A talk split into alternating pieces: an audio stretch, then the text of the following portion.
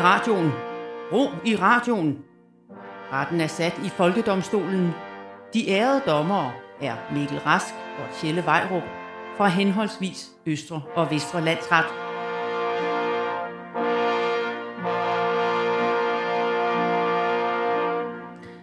Vær hilset, ærede dommer Rask. Vær hilset, ærede dommer Vejrup. Og også hej til dig, der lytter med. Ja, dette er Folkedomstolen på Radio 4, som er et program, hvor Mikkel og jeg gør os til dommere over aktuelle problemstillinger på hele det danske folks vegne. Du kender sikkert godt til begrebet Folkedomstolen. Enten har du hørt om den i medierne, fordi et firma eller et mediepersonlighed har begået et fejltrin og nu bliver dømt af befolkningen på for eksempel Facebook, frem for at blive dømt af de ægte domstole. Ja, eller så er du en af de personer, der har begået et fejltrin, og nu bliver du dømt af folket baseret på deres følelser, frem for hårde fakta. Og du synes, det er strengt, for du er sådan en flink fyr, og hun skal da heller ikke sætte sit hår i en hestehale, hvis, et, hvis hun nu ikke vil klappes i mosen. Men i det her program, der hylder vi Folkets Domstol, hvor vi kan dømme alt og alle helt og aldeles uden forudsætninger for at gøre det. Det bliver måske ikke fair, Men, men hvad? Altså du sagde bare, at det bliver måske ikke fair, og så tænkte jeg, at du måske ville tilføje et men. Og på grund af min kadence? Ja. Nej, Nej. der er ikke mere. Det bliver Mm. ikke fair. Okay, jamen øh, velkommen til øh, Folkedomstolen. Folkedomstolen præsenterer sag nummer 1. Og øh, Mikkel, du har dagens øh, første sag med. Ja, jeg har lige været smut på internettet. Åh, oh, internettet, det kender jeg godt. Kender du så OnlyFans? um, altså, altså, jeg har da læst om det. Det, det, er, det er noget med, det er sådan en online tjeneste, hvor folk øh, kan uploade billeder og videoer, som øh, deres fans, de så kan købe adgang til. Sådan tit nogle lidt intime billeder og videoer. Yes. Og øh, den har du været inde og kigge lidt på? Eller, jo, det var jeg, men kun som research til den her sag. Ja, ja, ja, ja. Helt klart. Øh, det er i hvert fald den historie, du har valgt at gå med øh, over for din kone. Lige præcis. Og nu også hele Danmark. Ja. For jeg vil sige det lige ud. Jeg er dybt forarvet over OnlyFans. Jeg synes, det er svineri, og jeg stiller mig som anklager i sagen Folket mod OnlyFans. Og jeg synes også, det er noget svineri, at det er så dyrt. Så jeg vil gerne forsvare det. Altså, mit første anklagepunkt er, at det er bare porno. Og så kan man så mene om porno, hvad man vil, men det, er, det skal de i hvert fald indrømme. Det er bare en pornoside. For det bliver jo ofte hypet af medierne, øh, for eksempel i den, forbindelse med den her Fie Laversen dokumentar, der har været, der bliver det jo ligesom fremstillet af medierne som bare en måde for unge kvinder at tjene penge på. Prøv at tænk, hvis, hvis, hvis DR og andre for eksempel bare sagde det lige ud. Lav noget porno. altså, det er det, det, det, de i virkeligheden gør. Ja. Og man kan sige, det har jo altid været en mulighed, teoretisk, for mange kvinder. Men har vi ikke større, har vi ikke større, om end også, men ikke lige så mange, men har vi ikke større ambitioner som samfund på vegne af unge kvinder? Altså, vi har endelig fået ligestilling, sådan så kvinder kan være læger og sådan noget, men nej, hvad med du smider trøjen? Det er det, vi, det, er det de er reduceret til igen nu. Ja, jamen der har jeg jo så et forsvar, ikke? Og det er, at øh, OnlyFans er jo faktisk enormt feministisk, når man tænker over det. Det er jo kvinder, der tager retten til deres egen krop tilbage. Det er ikke en eller anden klam pornoindustri, der skal tjene pengene. Og øh, altså ikke nok med, at pengene udelukkende går til kunstnerne, uden at en eller anden klam mellemmand, han skal have en andel, hvilket du i øvrigt som komiker må værdsætte med dit bur- bookingbureau, ikke? Altså, det Så vil jeg sige, OnlyFans tager også 20 procent. Og det er rigtigt, det er rigtigt, det er bevares, ja. Men altså, men, men 20 procent, det er jo ingenting i forhold til, hvad en, en pornobagmand vil tage. Det Altså, ved du simpelthen af, af erfaring. Det... Har du set mit kontoudtog? Nej, jeg siger bare, det her, altså, det tvinger jo også de unge drenge og piger til at sætte sig selv ind i, hvordan, re- altså, hvad er reglerne for skat og selvangivelse? Som selvstændig simpelthen. Ja. ja, det er jeg sikker på, at alle OnlyFans-pigerne gør. De opgiver alting. Inklusive deres ret til deres egen krop. Øh, nej, Det gør de ikke. Det er det, det, det, det, det, det, det, det er det, jeg synes, at de ikke gør, fordi... Ja, det, det kan godt være, det er et feministisk projekt, så at, øh, at eje sine ting selv og komme ud med dem selv, men det, det er jo ikke det, der sker på internettet. Det må du også vide. Altså, billederne bliver netop tit delt uden samtykke bagefter. Efter nogle fans har købt adgang, så spreder de dem. Fordi selvfølgelig gør de det. Ja. Altså, det er jo ligesom dengang musikere forventede, at folk ville respektere deres ophavsret, da piratkopiering kom frem. Altså, det, det, helt ærligt. Og så vi skulle høre, vi skulle høre på det der nu i 100 år snart, at mine seksuelle billeder er mine egne, og det er kun til dem, jeg stoler på, og de skal ikke bare deles. Alt det der. Og jeg er helt enig. Men altså, dem du stoler på, det er så alle, der har 500 kroner. eller hvad? Altså, det, det, det synes jeg er en lille smule selvmodsigende. Okay, det jeg simpelthen hører dig sige er, at, at hvis man giver folk muligheden for at begå en forbrydelse mod en, så er man også selv ude om det. Det er jo, altså, det er jo typisk victim blaming, ikke? Jamen, det, det er bare meget nemt det, det, altså for at friste svage sjæl på den måde, i forhold til, ligesom de der gamle biografreklamer mod piratkopiering. Du vil ikke stjæle en bil. Jo, det ville jeg, hvis det var lige så nemt som at piratkopiere. altså, hvis man bare kunne trykke copy-paste, og så var der en ny bil ved siden af den gamle, som jeg kunne køre væk i, uden nogen opdagede det. Jo, det ville jeg sgu nok. Jeg har tænkt mig at stjæle en bil, når jeg forlader den her biograf. Ja, altså... Jamen helt ærligt, det, et andet punkt. Hvad sker der, hvis du pludselig bliver helt afhængig af din indkomst som OnlyFans-pige? Hvad så, når du bliver for gammel til det? Altså, det, det, det er et svært karriereskift, tror jeg, hvis det er det, du satser hele din ungdom på. Ja. Altså, du, prøv at tænke, forestil dig en jobsamtale efter at have været OnlyFans. Altså, jeg vil gerne arbejde på jeres kontor. Hvad har jeg erfaring? Øh, onani. Det er det. Jeg har onaneret foran andre på billeder. Ja. Har du et CV? Ja, det skal man betale for at se. altså, det, det duer jo ikke. Igen, der vil jeg prøve at sammenligne det med at være komiker, som vi jo er, ikke? Ja, Tror du selv, du kan blive ved med at lave stand-up, til du skal pensioneres? jeg, Vi- vi, altså- jeg regner med at dø jo. Ja, prøv at, vi har allerede mistet vores tag i de unge, og der går jo ikke længe, før vi to ikke engang kan holde os vågne til shows, der er efter 19, ikke? Og Mhm. hvordan skal vi så få et andet arbejde bagefter? Når her er mit CV, min erfaring spørger du, jamen det er hæftig onani. ja, man kan sige, at vi laver det samme. Vi Ja. får bare ikke penge for det. Øhm, altså, okay, nu, okay, så må jeg smide mit trumfkort. Jeg tror bare, du er ok med OnlyFans lige præcis så langt, som indtil det er dit eget barn, der gør det. Mm. Så tror jeg ikke, det er fedt Ja. længere. Godt forsøg. Har du set mine børn? De vil aldrig få den forretning op at køre. det vil, altså, det vil de aldrig gøre. Der er du, der er du home safe. Yes. Fair nok. Okay, men mit næste anklagepunkt er, at OnlyFans fordærver vores ungdom ved at give de her nemme penge. Altså det her, det var meningen, at den her unge generation, det skulle være generationen, der endelig vågnede op og gjorde op med kapitalisme og sælge folks kroppe og udnytte og tjene penge på seksualitet og sådan noget. Men nej, de er til salg alle sammen for en 50'er på MobilePay, åbenbart. Ja, men... Altså, og ja. Mobile og OnlyFans tager jo, som sagt, 20 procent af deres penge, så det er bare sådan en pimp hjemmeside. Altså, hvordan kan vi hylde det som fænomen? Okay, 20 At der står sådan internet alfons og, og, og lappen. Men, men jeg synes da netop, de gør op med kapitalismen ved at blive deres egne herrer, deres egne chefer. Altså, kapitalismen kræver jo et, at man har penge for at kunne overleve. Og for at kunne øh, bekæmpe kapitalismen, så kræver det, at man er i live. Så man skal have penge for at kunne være antikapitalist. Og have råd. Præcis.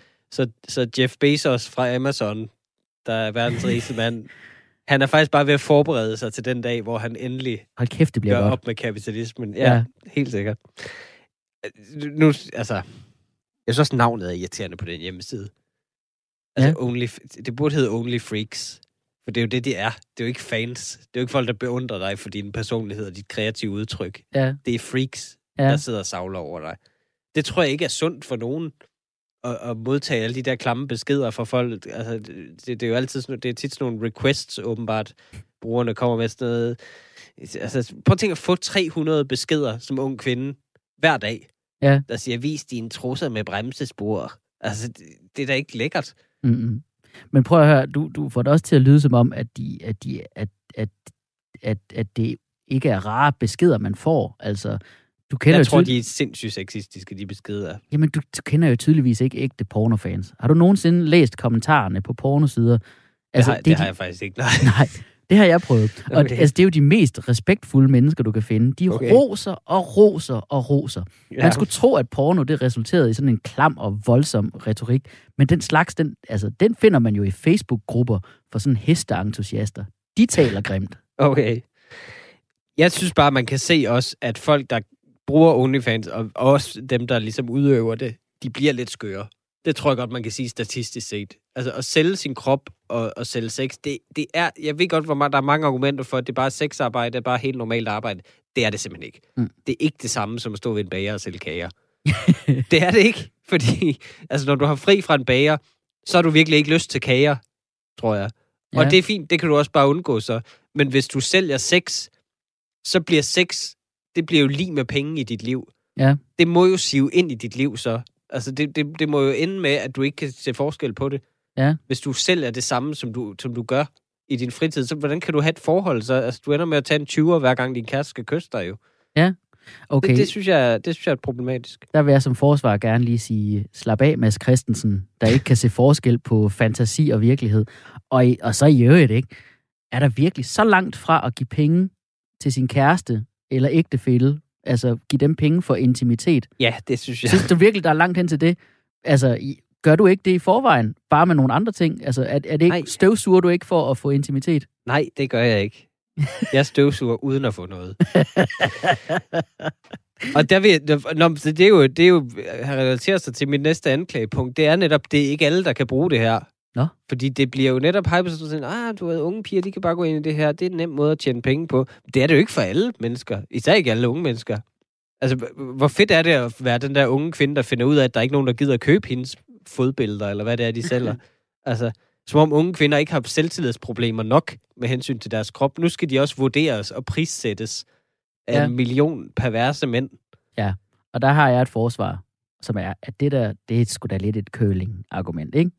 Lige nu, der lyder du lidt som de der forældre, der mener, at X-Factor skal afskaffes, fordi der er unge mennesker, der kommer ind og får knust deres drømme af Thomas Blackman. Men prøv at høre, de her drømme skulle jo have været knust af deres forældre i forvejen. Jeg siger bare, det er ikke... En ting er ikke men jeg har ikke lyst til, at min datter, hvis jeg får sådan en dag, skal bedømmes af Thomas Blackman nøgen.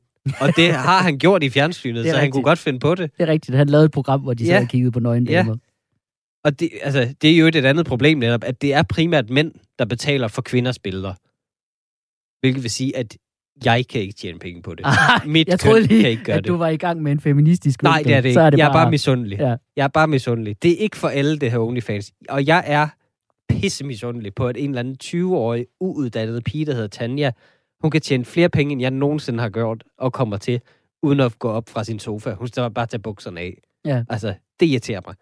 Jeg kan da også godt sidde bare med hånden i bukserne i en time og kalde det en arbejdsdag. Men det gør Det kan du, jeg ikke. Det gør du allerede. Det ikke? gør jeg, men jeg får bare ikke penge for det.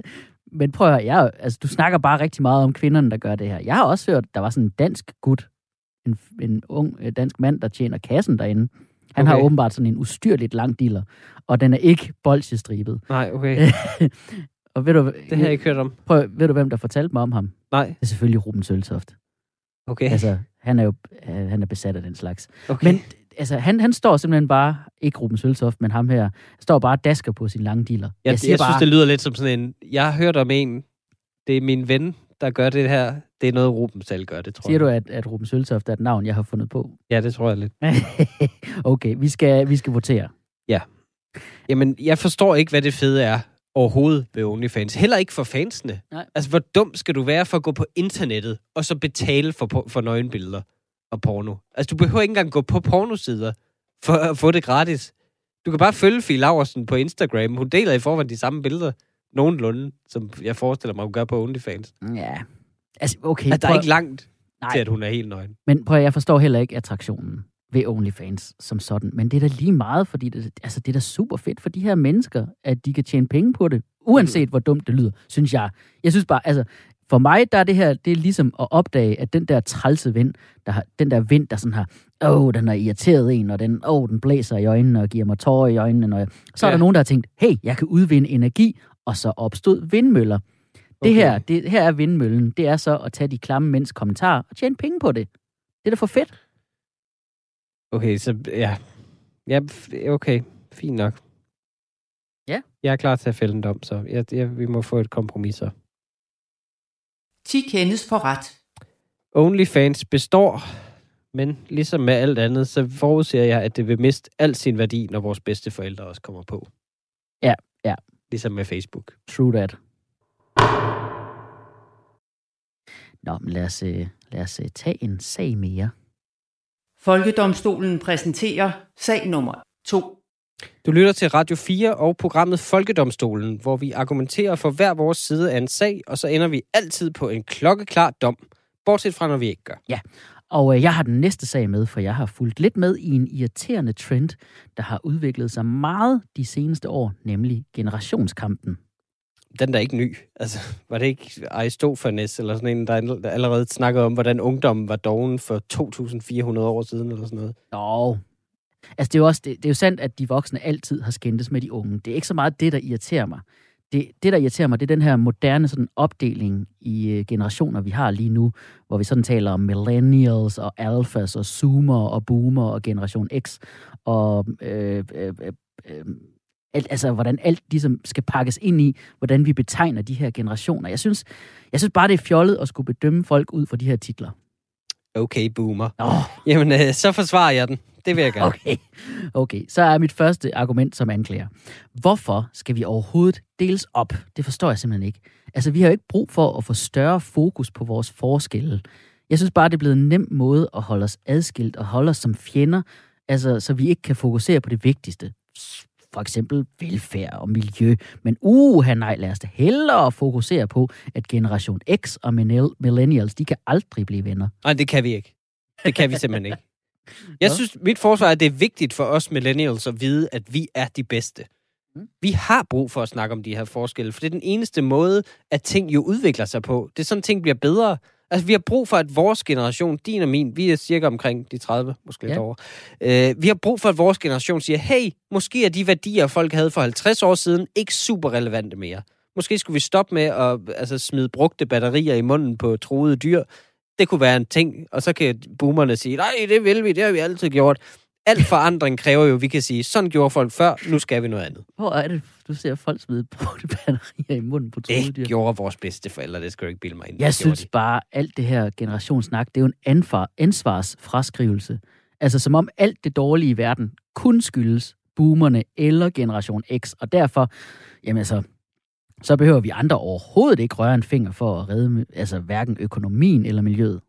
Jo, det er jo netop det. Vi har jo brug for at, at have et eller andet at kæmpe imod, hvis vi skal lave noget forandring. Vi har brug for fælles fjender, så det er jo perfekt, hvis for eksempel, jamen, hvis for eksempel os millennials og generation X, lad os sige så, lad os blive venner med dem så, så kan vi rotte os sammen mod babyboomerne. Ja. Så, kan vi, så må vi slå os sammen, og så tage deres friværdi og deres pensionsordninger. Bare tage det med magt. altså, der, ja, der er en krig på vej. Jeg siger det bare til alle. Hvis side er du på? Åh, oh, ja. Ja. Så jeg, jeg, jeg, jeg, det, det, jeg, jeg er ikke på nogen side. Altså, det, det, jeg, jeg, jeg gider ikke snakke om sider.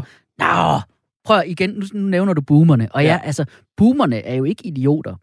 Altså, det er så latterligt at tro, at unge mennesker, de er progressive, og gamle er forstokket, og det er bare sådan, det er. Altså, over i USA, ikke Bernie Sanders, Mm-hmm. ham, der blev berømt for at sidde øh, og være klædt fornuftigt på på en kold dag. Ja. Han, han er jo en 500 år gammel, ikke? Han, Ja. han er den mest progressive politiker i USA.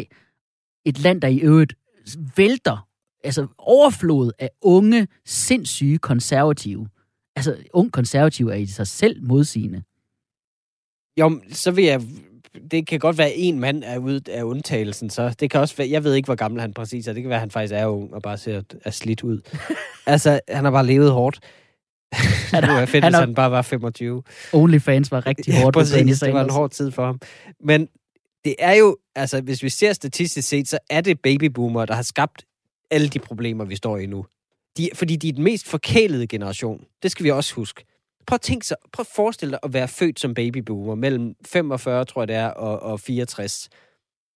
De er vokset op i en økonomisk opgangstid, og de har haft Prøv at tænke at leve med nul dårlig samvittighed i forhold Ja. til sådan noget miljø og sådan noget. De er jo vokset op i en tid, hvor det ikke betød noget. Du kunne bare smide batterier ud og føle intet. Ja. Prøv at forestille dig at bruge et plastiksugerør, uden at have dårlig samvittighed et eller andet sted. Åh, ja. Og ikke vide, rygning var fejl. Bare ryge indenfor i en bil, Ja. hvor man lige har smidt noget skrald ud af vinduet, og ikke have noget som helst problem med det. Ja, ja. Ingen dømmer dig, heller ikke dig selv. Ask det har været- øjnene på sine børn, ja. Ja, det har været så fedt jo. Og så, de, altså, så lige da de blev seksuelt aktive, så kom fri sex og kærlighed og hippie-tid. Og så da den var slut, så kom de ud på arbejdsmarkedet. Så blev det bare hardcore materialisme, og alle har ret til et fedt køkken. Og så fik de lige købt et hus, mens det var billigt. Og nu sidder de med friværdi på efterløn. Ja. Det er den mest forkælede generation, og det skal simpelthen stoppe. Okay, det er uretfærdigt, ikke? Men okay, jeg synes bare, vi kun nævner det negative. Boomerne, altså babyboomerne, de har altså også skabt grundstenene til alt det, der er fedt i dag. Altså, det er noget fis, at det kun skulle gå op i køkkener. De skabte alt det, vi nyder godt af lige nu. Ja, til sig selv. Jamen, så tager de, så beholder de det jo. Nej, De men det er, nægter jo, jo at dø.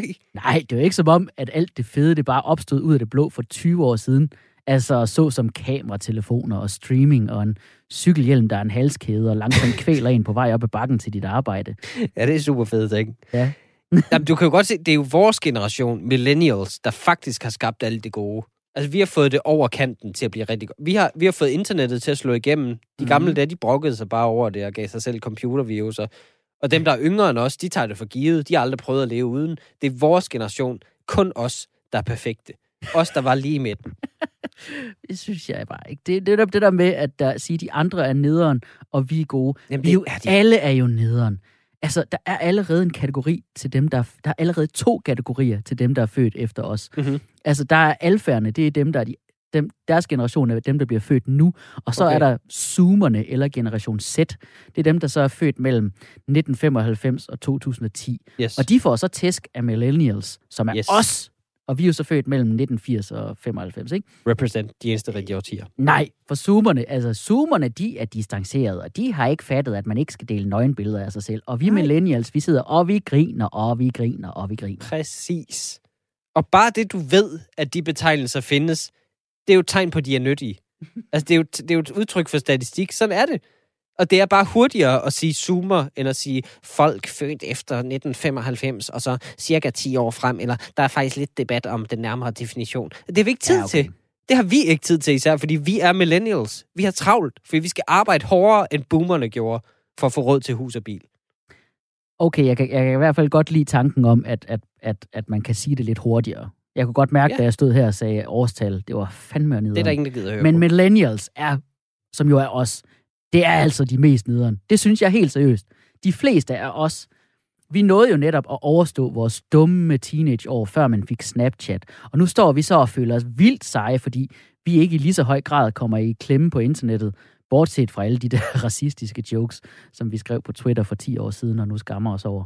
Altså, Der synes jeg, du skal tale for dig selv i øvrigt. Jeg skammer mig slet ikke over de jokes. Men okay, som om, som om vi aldrig var faldet i, hvis nogen havde givet os sådan en super nem måde, ligesom Snapchat, der kunne, så vi kunne dele vores spæde, nøgne kroppe med en eller anden douchebag, vi troede skulle være the one and only. Nej, prøv at vi sidder og fnyser hånligt, imens vores generation til gengæld sender en tsunami af dick pics i øst og vest. Og værst af alt, og nu jeg har gemt det værste til sidst, ikke? Mm-hmm. Det værste ved millennials, ikke er? Ja. Vi tror, Harry Potter er en personlighed. Altså, vi tror, det at elske Harry Potter er en personlighed. Det synes jeg er meget Slytherin-agtigt, er der at sige. Ja. Øh, jeg vil jo til gengæld forsvare os millennials ved at sige, at vi har også været de mest uheldige som generation. For vi er, som sagt, vokset op i 90'erne. Det betød, at vi havde håb for fremtiden. Vi troede faktisk, at verden blev bedre. Vi var Ja. de sidste, der troede det. Og så kom 11. september og klimakrise og smadrede alt. Så vi, jeg synes, vi har lov til at være bitre Ja. på de andre. Både dem, der er før og efter os. Oh, jamen, vi er også bare så bitre og, og desperate efter at være unge, ikke? Det er derfor, vi går så meget op i generationerne. Det er derfor, vi går og siger, okay, boomer, imens vi skæver mod de ægte unge, altså de, dem, der rigtigt er unge, og lader som om, vi er nogle af dem, ikke? Det er derfor, vi, vi skal droppe den her besættelse af generationer. Det sy- jeg synes, det er klart, jeg hader de unge. Altså, det er jeg jo nødt til. Det er du ret. Vi kan godt blive enige om, at alle generationer har deres trælse ting på hver deres måde, men selvfølgelig betyder generationer noget. Altså, alt andet er jo historieløst. Hvis du tror på, at alle generationer er ens, så er man jo en af dem, der tror, at man er, de, man er den samme som folk, der levede i 2. verdenskrig. Mine problemer er lige så høje, store som dem. Ja. Åh oh, nej, du ved, min telefon gider ikke låse sig op. Det må være ligesom under besættelsen. Altså, det, du er nødt til at arbejde med generationer overhovedet, for at kunne forstå dit liv. Ja. Altså, og millennials, vi er bare tilfældigvis dem, der har ramt en perfekt balance mellem Ja. at være ovenpå og være ofre. Åh, oh, ja. Altså, Ja, ja, okay. Jeg synes også bare, altså, jeg synes bare, det er sådan noget reklamelingo, ikke? Mm. Det der med, at man skal have et catchet navn, så man kan røvrende sine kunder for en masse penge, for sådan lavet som om, at alle mellem 20 og 30 er ens. Og vores reklamebyrå har altså knækket koden til at sælge noget til dem. Altså, altså, at det er segmentering simpelthen. ja, jeg kan ikke lide det. Jeg vil da hellere, at det så har et catchy navn, end at det hedder et eller andet kedeligt, sådan noget 40-50-årige, med, som er socioøkonomisk middelklasse. Nej, Generation X. Bum. det lyder som superhelte. Altså, det gør millennials i øvrigt også. Ja. Og tusindskifte børnene. Ja. Ja. Det er da en måde at få en identitet som gruppe på. Altså, vi har jo ikke noget andet til fælles folk på vores alder. Mm. Vi har alle sammen set rejseholdet, det er det. Det er rigtigt. Jeg synes bare, det virker... Okay, jeg tror, vi skal til at, at, at finde en løsning på det her. Okay. jeg synes, det, altså, det virker måske lidt halvhjertet, at det kun bliver diskuteret af to millennials, det her. Ja, altså, og det vil nok, vi ikke kan blive enige, egentlig. Ja, ja lige præcis. Altså, det, vi har lidt brug for at... Vi har brug for et vidne. Indkæde et vidne, ja. Øh, og jeg har faktisk øh, fundet et vidne. Mm-hmm. Øh, det er en såkaldt zoomer, altså den generation, der er født mellem 95 og 2010, generationen efter os. Ja. Og øh, nu vil jeg ringe til hende, og så vil jeg bevise, at der ikke er nogen som helst grund til at stigmatisere hinanden ud fra generationsbetegnelser. Folkedomstolen indkalder til vidneskranken. Og øh, vi indkalder Louise Brink, der er født i år 2000, og dermed generation Z.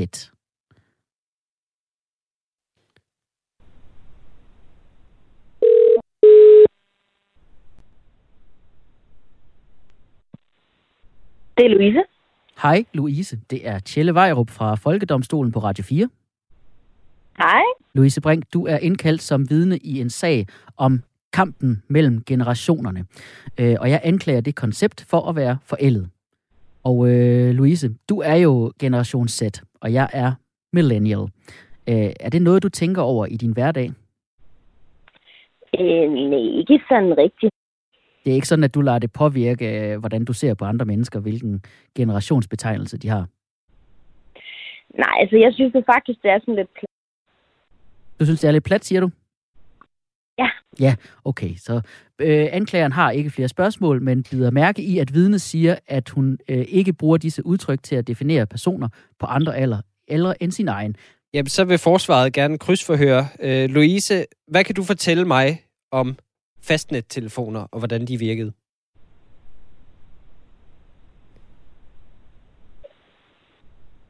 Hallo? Der er blankt.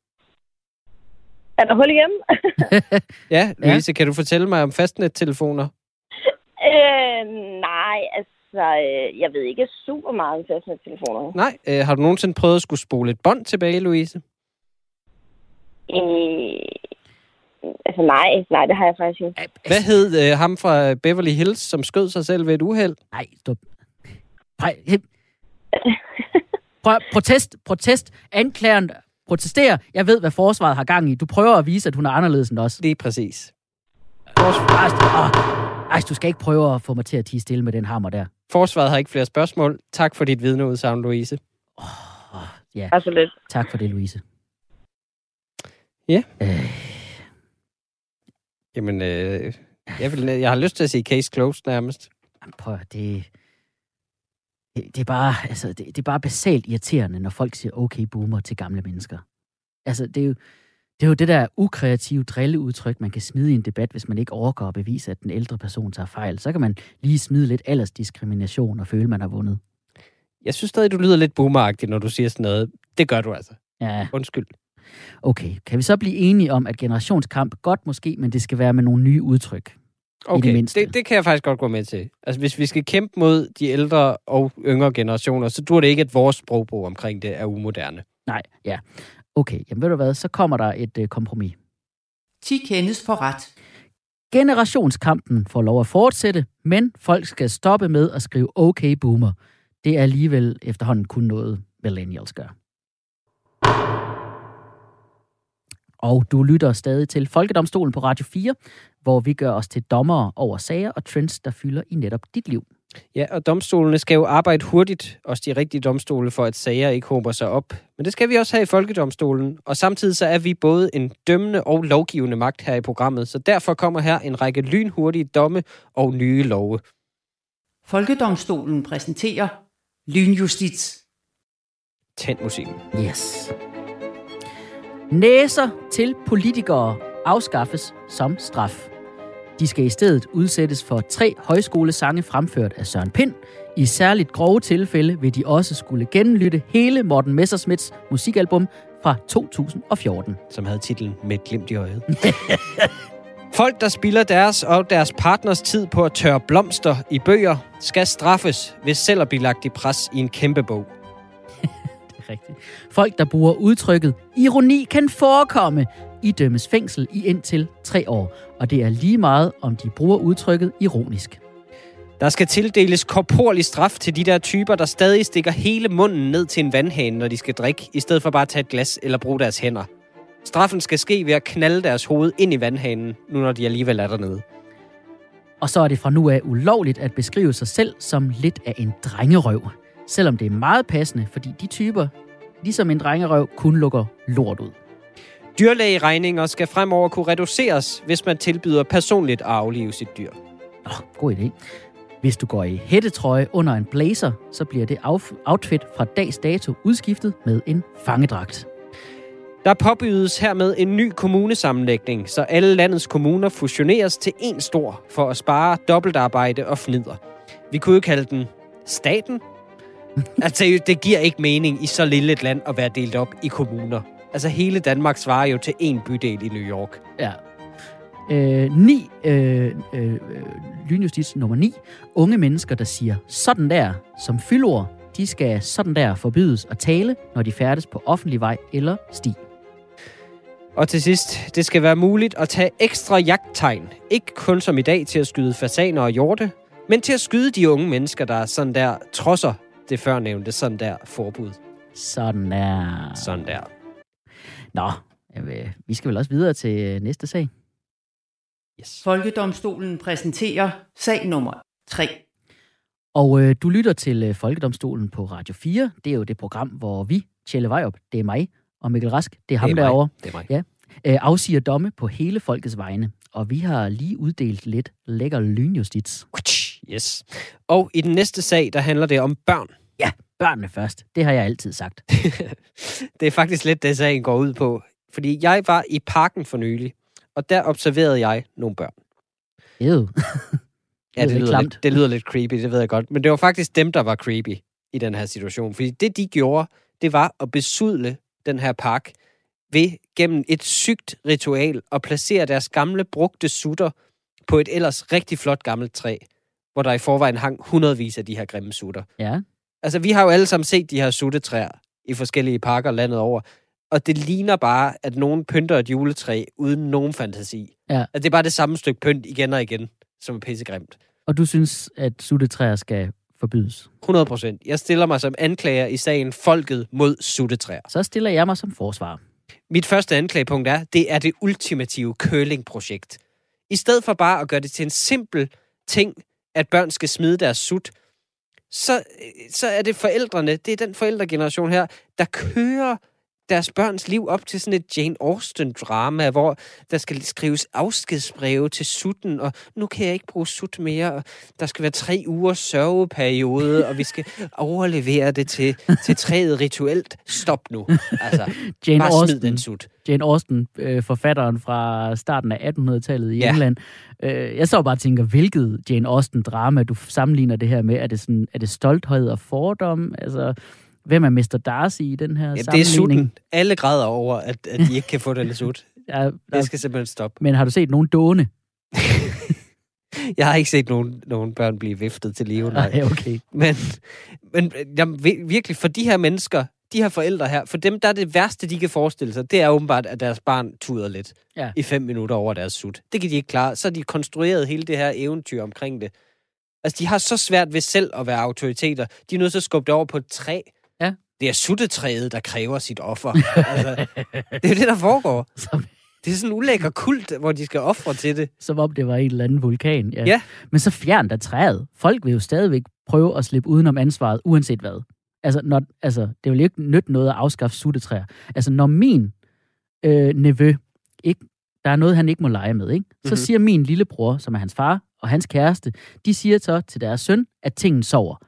Det, altså, Når han kommer, ikke må lege med en ja, bamse, så sover ja, den. så sover den, ja. Altså, øh, det er jo ikke, det er jo sjældent bamsen. Det er Ja, måske, når, når han vil stikke sit hoved ind i ovnen. Okay. Men prøv, det, altså, det er også bare folk, der ikke har børn i den alder, hvor de stopper med sutten, der siger sådan, er din, er din søn stoppet med sut endnu?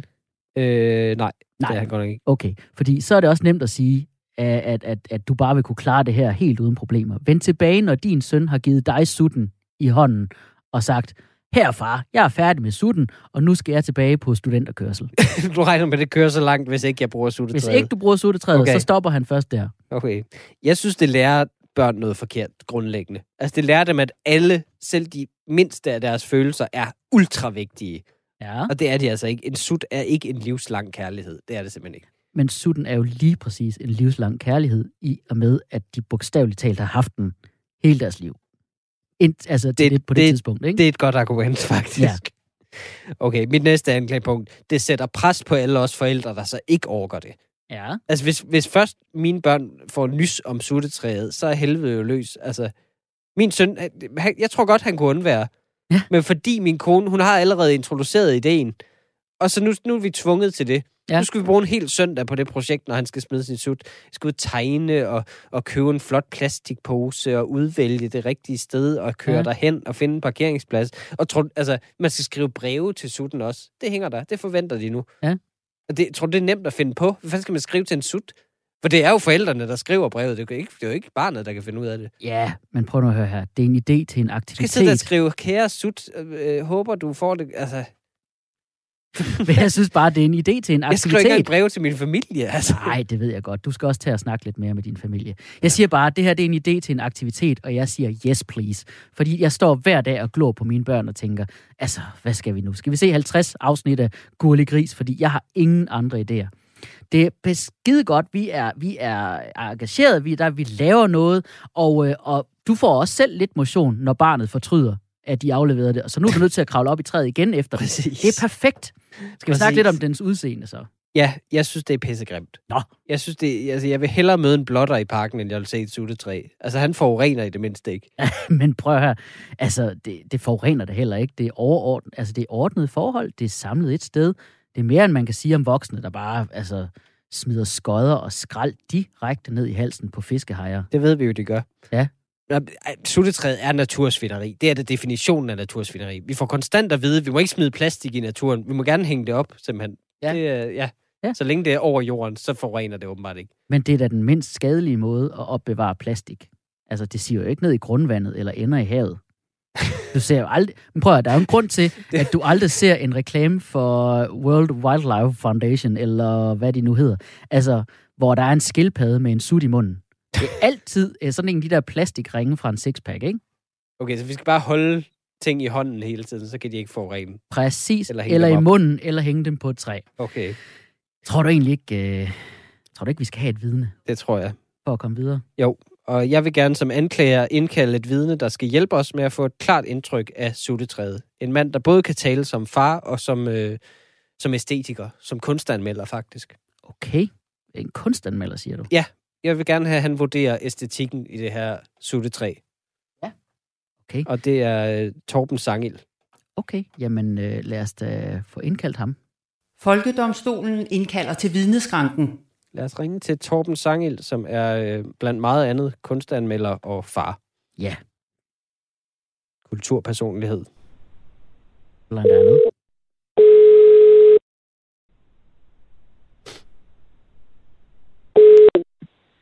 Det er Torben.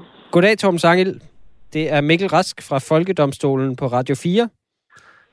Goddag, Mikkel Rask fra Du Folkedomstolen. er, du er officielt indkaldt som vidne i sagen Folket versus Suttetræer.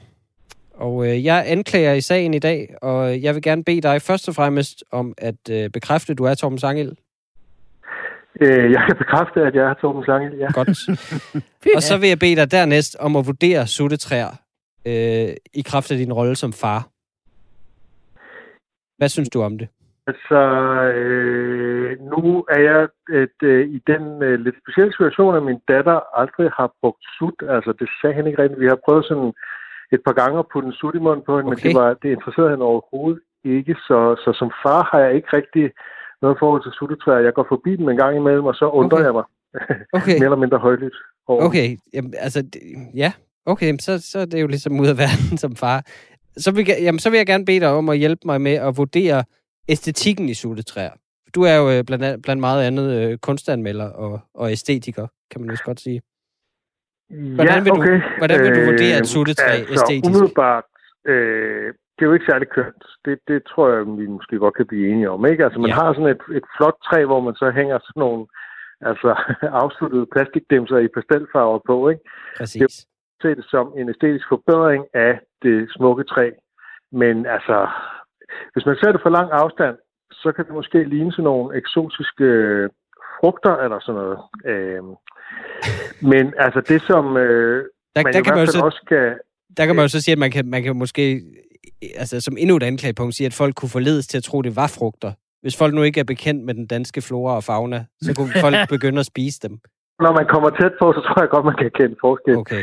Men altså, øh, det der er det nye, øh, og som jeg har skrevet om på Facebook for nylig, det er, at man er begyndt at hænge sådan nogle historier op, øh, altså sædler, hvor andre kan læse et, øh, ja, et brev i anførselstegn fra barnet til deres sut om alt det, som øh, sutten har betydet for barnet. Det er selvfølgelig jo skrevet af den voksne, altså. Lige præcis. Det er meget bevidst, så har de ikke puttet det i en konvolut, og der synes jeg, det begynder at ligne sådan en slags øh, analog socialt medie, øh, hvor man sådan øh, viser sine børns historie frem. Ja, ja, præcis. Man skal, det er vigtigt at vise det for omverdenen. Se, hvor god en forælder jeg er. Jeg har øh, brugt gode metaforer og så videre til øh, at beskrive sutten. Præcis, ja. Og, og på den måde så lærer man jo altså treårige børn at fortælle om deres perfekte liv med en sut, så de er klar til at gå på Instagram, ikke?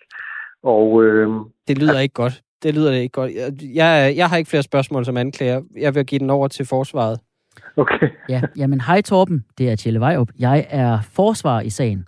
Og øh, nu har vi altså udelukkende talt om æstetikken i suttetræet. Og den, den er ikke pæn, og det er heller ikke det, jeg argumenterer for. Men jeg vil gerne alligevel høre dig som kunstanmelder. Hvis du skulle bedømme suttetræet som en kunstinstallation, hvilke tanker vil du så gøre dig? Altså simpelthen anmelde øh, suttetræet. Ja, Øh, ja, altså nu har jeg jo ikke kun talt om æstetik, fordi æstetik og betydning er jo tit været sammen. Øhm, øhm, men øh, så derfor så, så øh, øh, altså, og, og moderne kunst, som det her vel, vel, vel må øh, høre ind under, øh, handler meget om sådan et betydningslag. Og der kan man jo sige, Mm. at øh, det første er vel at sige, at det kombinerer noget, altså et, noget meget naturligt, et træ med noget meget kunstigt, som er sådan en plastiksut. Altså en plastiksut er jo, er jo dobbelt kunstigt. Det er både fordi den er plastik, og fordi den er en erstatning for et bryst, altså et kunstigt bryst. Så det er jo virkelig kunstighed øh, Åh, dobbelt op, Ja. ikke? Øh, og så, ja, så vil jeg nok gå ind i, hvordan, altså i forlængelse af det, jeg sagde før, hvordan installationen, den sådan lidt ironisk tematiserer den her iscenesættelse på de sociale medier, og altså bruger børnene til det. Men, og så er der jo, altså på det sådan mere følelsesmæssige plan, det skal man jo også have med øh, i forhold til kunst, så er der jo en smerte i det her værk, ikke? Altså, øh, Yoko Ono har lavet sådan et berømt ønsketræ, hvor man skriver et ønske til fremtiden og hænger det op på, øh, på træet. Og det her, det er måske øh, på sin vis det modsatte, altså en afsked eller et tab, Ja. ja. der kan være næsten traumatisk øh, for barnet. Så på den måde er der jo noget hjerteskærende over det også, midt i al den her ironi over øh, de sociale medier og selvisensættelsen og måden, vi bruger børn på og sådan noget. det er, det er dybt, det her, Torben. Det synes jeg virkelig. Altså, kan du som kunstanmelder fortælle, altså, kan du, kan du lave en konklusion på det her med suttetræet?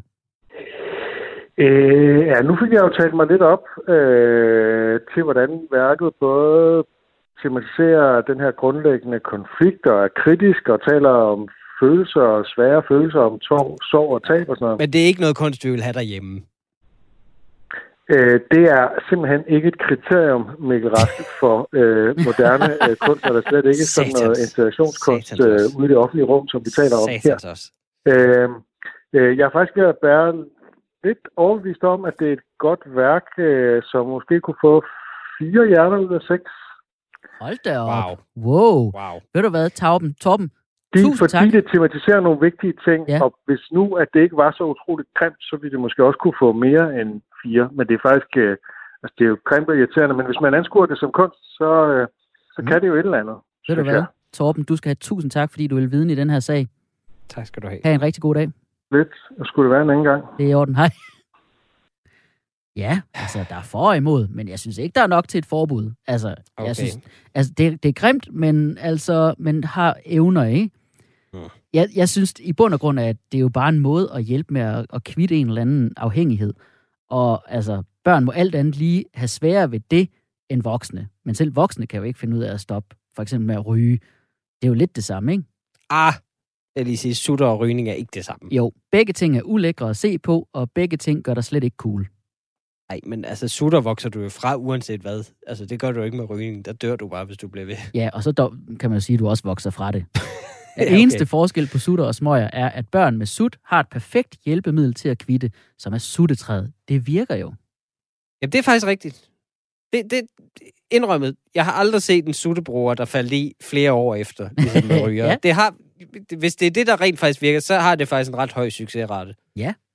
Altså, det er det præcis det, jeg siger. Ja. Jamen, jeg er overbevist, og øh, jeg er klar til at fælde en dom så. 10 kendes for ret. Suttetræer tillades fortsat. Der skal dog også plantes smøgtræer, hvor rygere kan efterlade deres dårlige vane, samt chokoladetræer og gin tonic træer. Det er til mig. Gin tonic træer. Skal Jeg du have hjælp med at Jeg slippe? kan rigtig godt lide dem. Ja. Øhm, men vi skal videre til næste sag. Lad os tage den sidste sag. Folkedomstolen præsenterer sag nummer 4. Og du lytter til Folkedomstolen på Radio 4, hvor vi er i gang med at dømme i alle tidens store trends. Det er sandt. Og du har vores næste sag med, Kjell. Fordi som du ved, så laver jeg det meste af mit arbejde, når jeg sidder på toilettet. Det vidste jeg faktisk ikke. Og derfor er jeg også meget opdateret på, hvad der sker på Instagram. Og øh, jeg har lagt mærke til, at Nå, det vidste du ikke, når Nej, vi sidder og snakker i telefon. Øhm, og jeg har lagt mærke til alle de her madinfluencer, der forpester de sociale medier.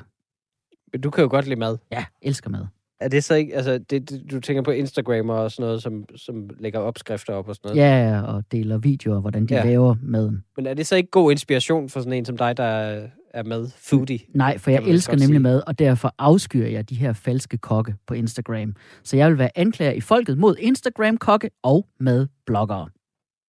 Og øh, mit første anklagepunkt er, der er to slags Instagram-kokke. Nu tager jeg det første. Dem, der er super klamme. Altså, det er nærmest fetishistisk, altså fetishistisk tilbedelse af smeltet ost. Man kan godt høre, at du har snakket med Torben Sangel. Ja, jeg har lige fundet, jeg har lige lært, jeg har lige slået, jeg står her med min synonymordbog. Ja. Nej, prøv at, jeg elsker smeltet ost lige så meget som den næste person, der har været på SU og levet af toast i store dele af sine 20'ere, ikke?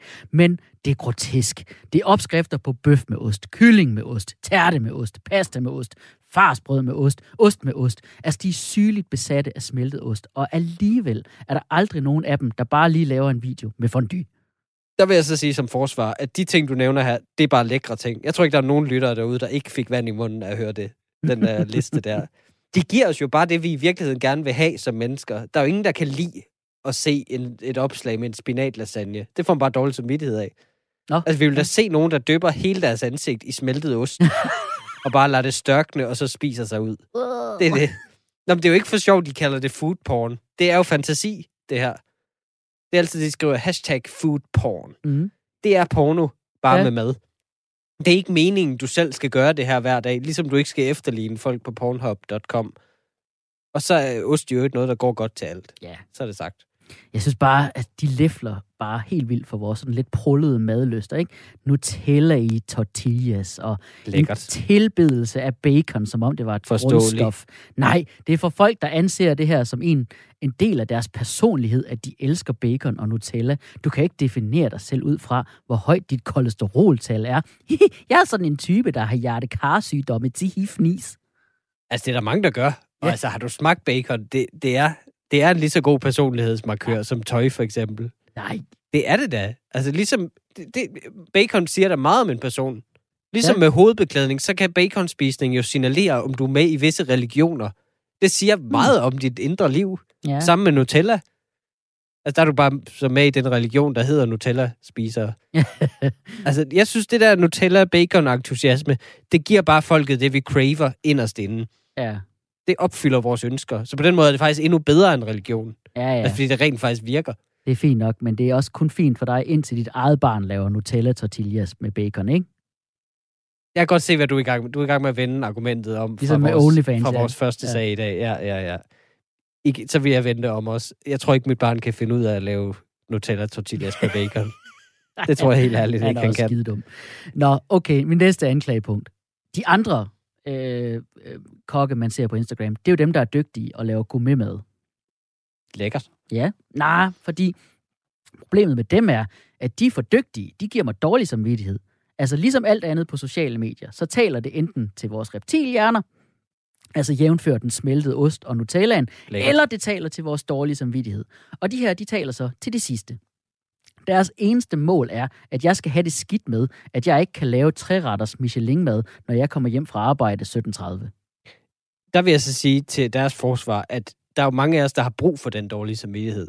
Ellers vil jeg jo netop kun leve af toast og andre slags toast som tilbehør.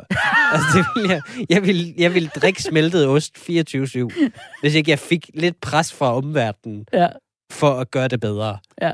Altså, det er ligesom med rengøring. Det er lidt, alle, de- folk klager altid over de der perfekte opslag på Instagram, men det gør jo, at vi strammer os lidt an. Altså, Ja. det gør da, at jeg tænker, måske skulle jeg lige træne bare en gang imellem, Ja. når jeg ser de der fitnessfyre. Det, jeg, måske skulle jeg lige gøre mit hjem lidt rent Ja. en gang imellem. Altså, mennesket er et socialt dyr. Vi har brug for social pres for at holde en vis standard som art. Altså. Ja.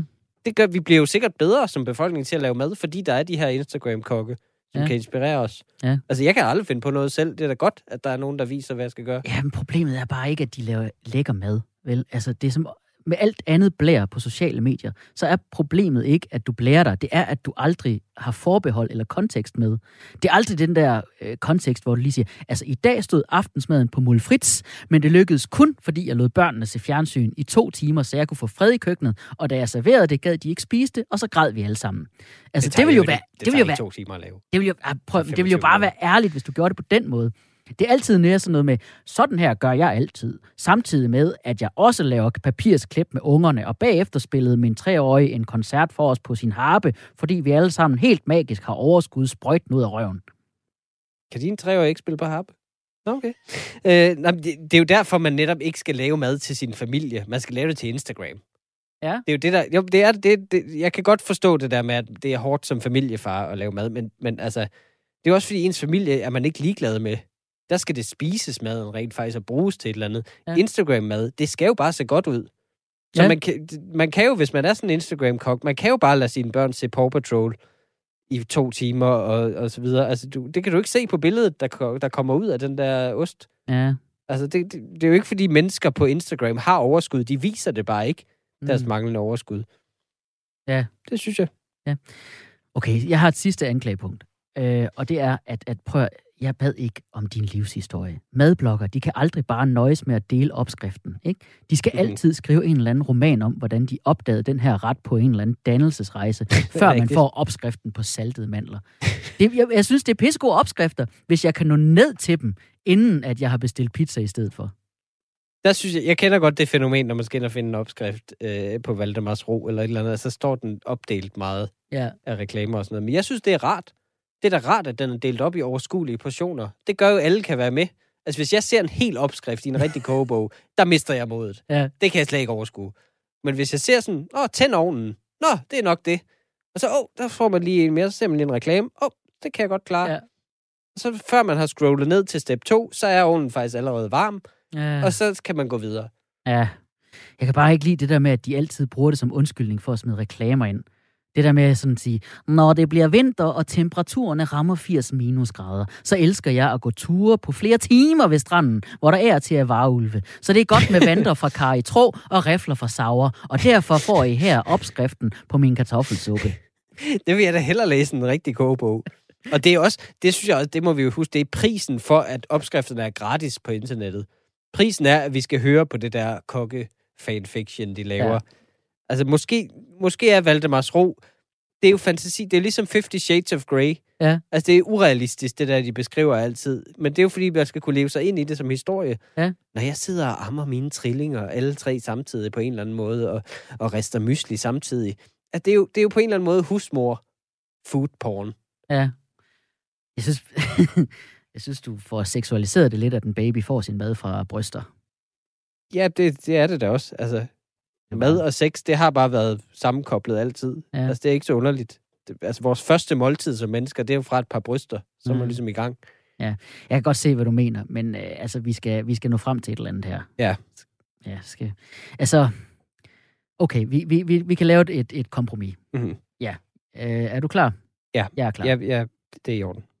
10 kendes for ret. Instagram-kokke får lov til at fortsætte, men vi sætter grænsen ved decideret samleje med maden. Altså, det må ikke blive for frækt, vel? Nej. Nå, det var alt for denne udgave af Folkedomstolen. Vi har fældet dom i sagerne om suttetræer, OnlyFans, Instagram-kokke og generationskampen. Husk, at du kan høre os som podcast på Radio 4-appen, Apple Podcasts, Spotify eller Podimo. Og vi er tilbage igen næste søndag 20.05. Sig farvel, Mikkel. Farvel. Retten er hævet.